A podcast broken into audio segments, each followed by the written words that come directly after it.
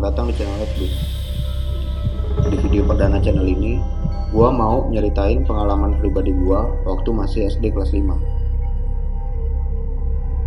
Waktu gua masih duduk di bangku SD, rumah gua berada di daerah Tangerang.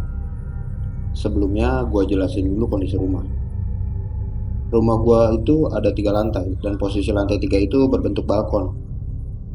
Rumah gua dulu bekas tempat praktek dukun dan banyak praktek yang dilakukan di situ.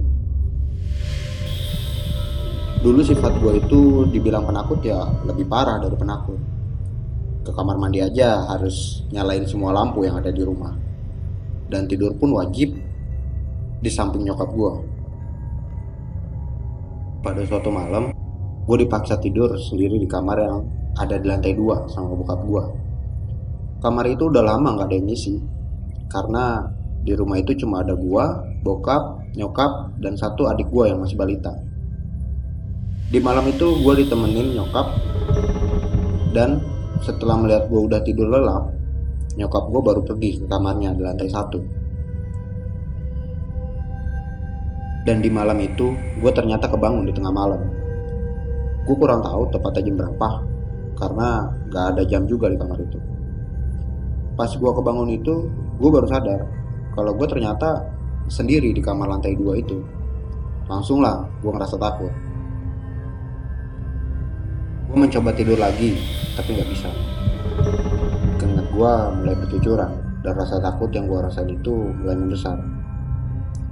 Gue maksain merem buat tidur, tapi nggak bisa.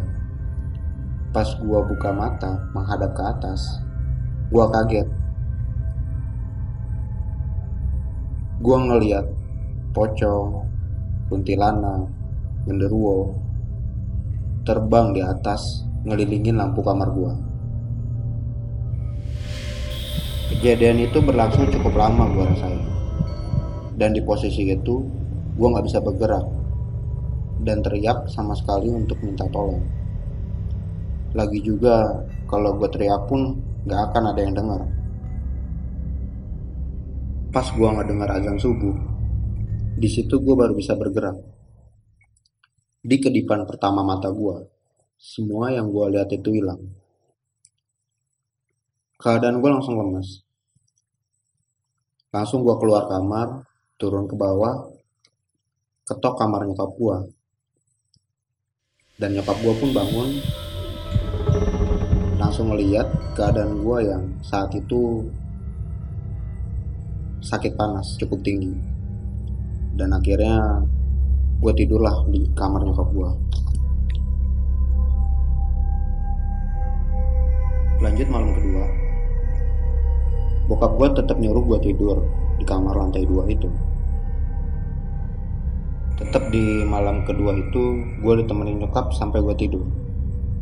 Tapi lagi-lagi gue bangun di tengah malam. Dan gue nggak bisa tidur lagi karena gue takut ngerasa sendiri lagi di kamar itu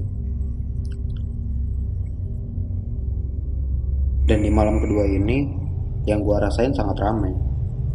Udara di kamar jadi terasa sesak dan panas. Ditambah banyak suara yang gue dengar.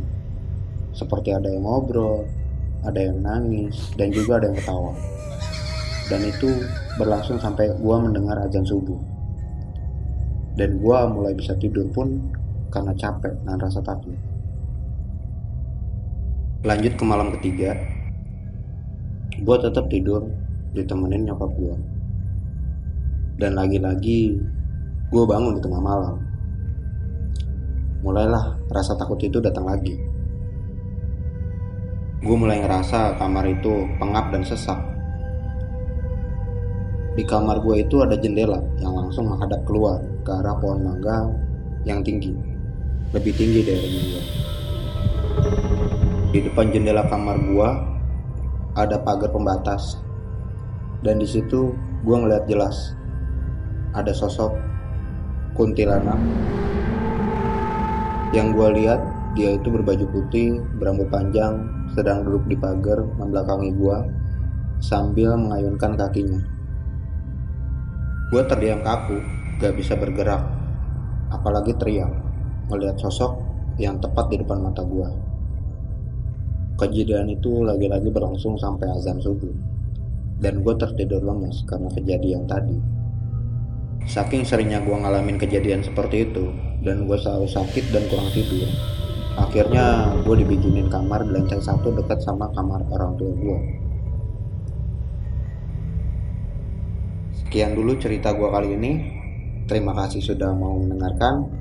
Sampai jumpa di cerita berikutnya. Salam XB.